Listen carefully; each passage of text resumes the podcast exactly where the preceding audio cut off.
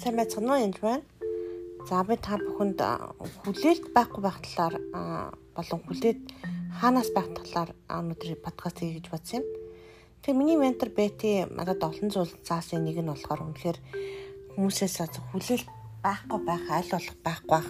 Ер нь хүлээлтгүй амьдрах тухай заасан байдаг. Энэ бас маш их чухал шүү.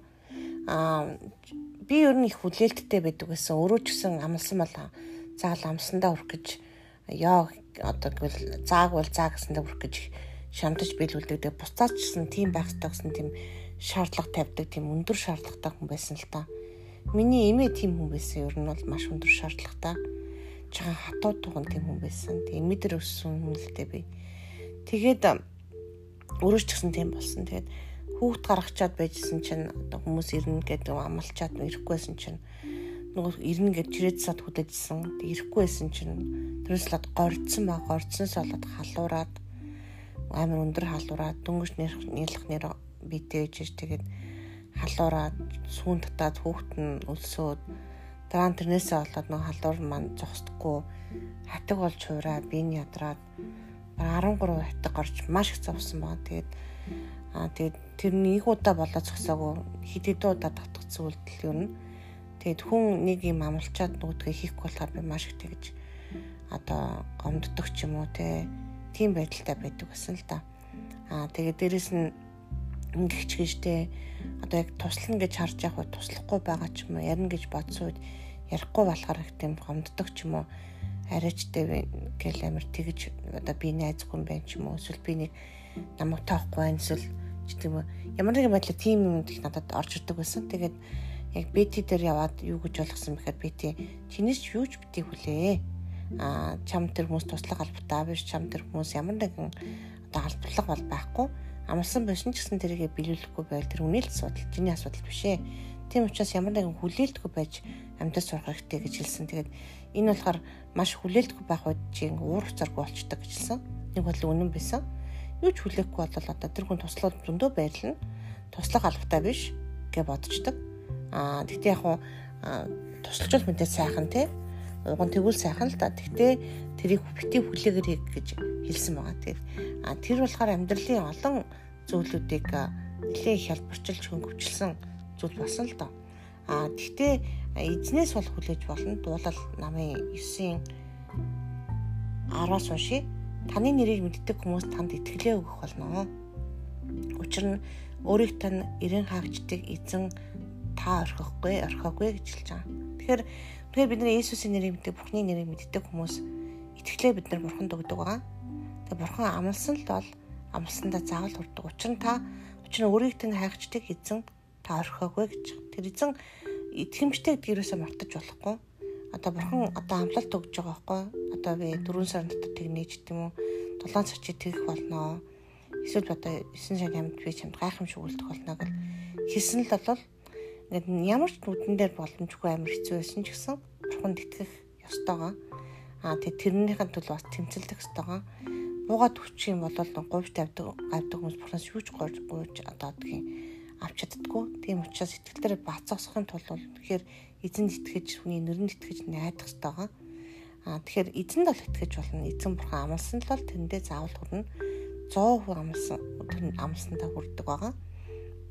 Харин хүмүүс бид нар одоо хайхрамжгүй ч юм марцнаасаа болоод самшгүй байдлаасаа болоод ч гэдэг юм уу те хүмүүсийг мэдсэн мэдээгүй маш олон янзаар гомдоож идэг байгаа өөрөө мэдхгүй гомдоцсон тохиолдлууд би хүртэл байгаа. Надад жишээл юм бодоод яв доош хараад явжсэн чинь хажуугаар нь тэр хүнийг танихгүй өнгөрцөн гэд надад одоо ч гомддог хүн байдаг. Чи намайг танихгүй өнгөрсөн.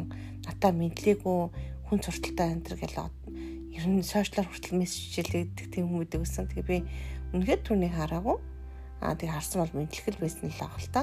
Гэтэ заримдаа үнэхээр хараагүй байдаг. Тэгээ ялангуяа миний ханижлаас хараад жоо муутай байсан. Тэгээд хүнийг харахгүй өнгөрчдөг. Тэгээд нөгөө хүмүүснээс янз янзэр ярьдаг тохиол их байдаг гэсэн. Тэгээд хэрэг хүлээлт байхгүйсэн бол мэдлсэн ч мэдлээгүй ч тэр үнийг тоохгүй харин ч өөрөө эсрэгээр харсан бол төрүүлж явах хэрэгтэй үлээ.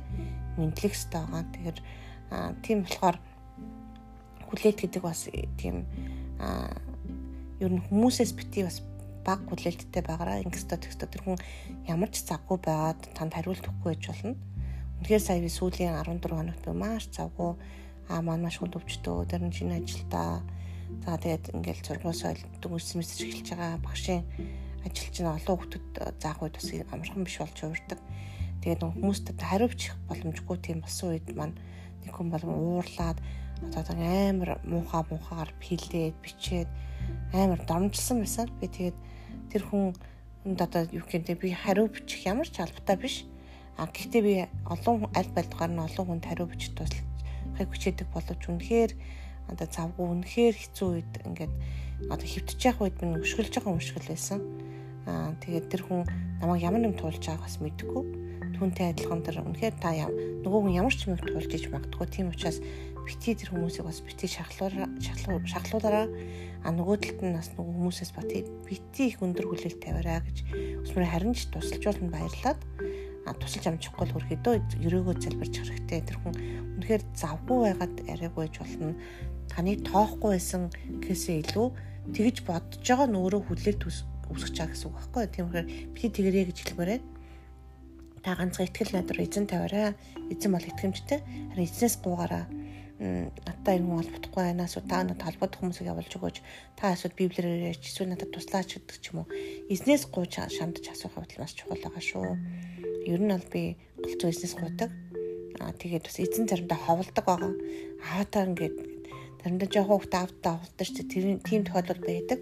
Одоо ерөнхийдөө ховлох нь бол гайгүй болсон ч гэсэн бас үе үе боё үнэхээр гомдохоор юм юм бас болдог л доо аа тэр үед бол бас харьцангуй сайхан амархан хурдан ер нь л тайван байгаад явцдаг. Тэгээд тэгэхээр өнөөдөр жишээлбэл би аавыгаа алдсан байгаа. Тэгэхдээ би өнөөдөр библийн ажлыг хийсэн, өдөржлөлтийн залбирлыг хийсэн.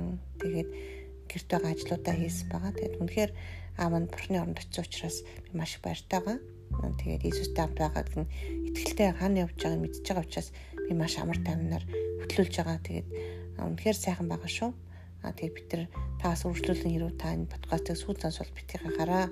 Би энэ 2020 22 оны 9 сард хийсэн подкаст. Тэгээд аа тэгээд та бүхэн дараа нь сонсох юм бол битгий хараа. Тэгээд та бүхэнд үнэхээр баярлалаа миний подкастыг сонсож байгаад бусадтайгаас хуваалцаараа.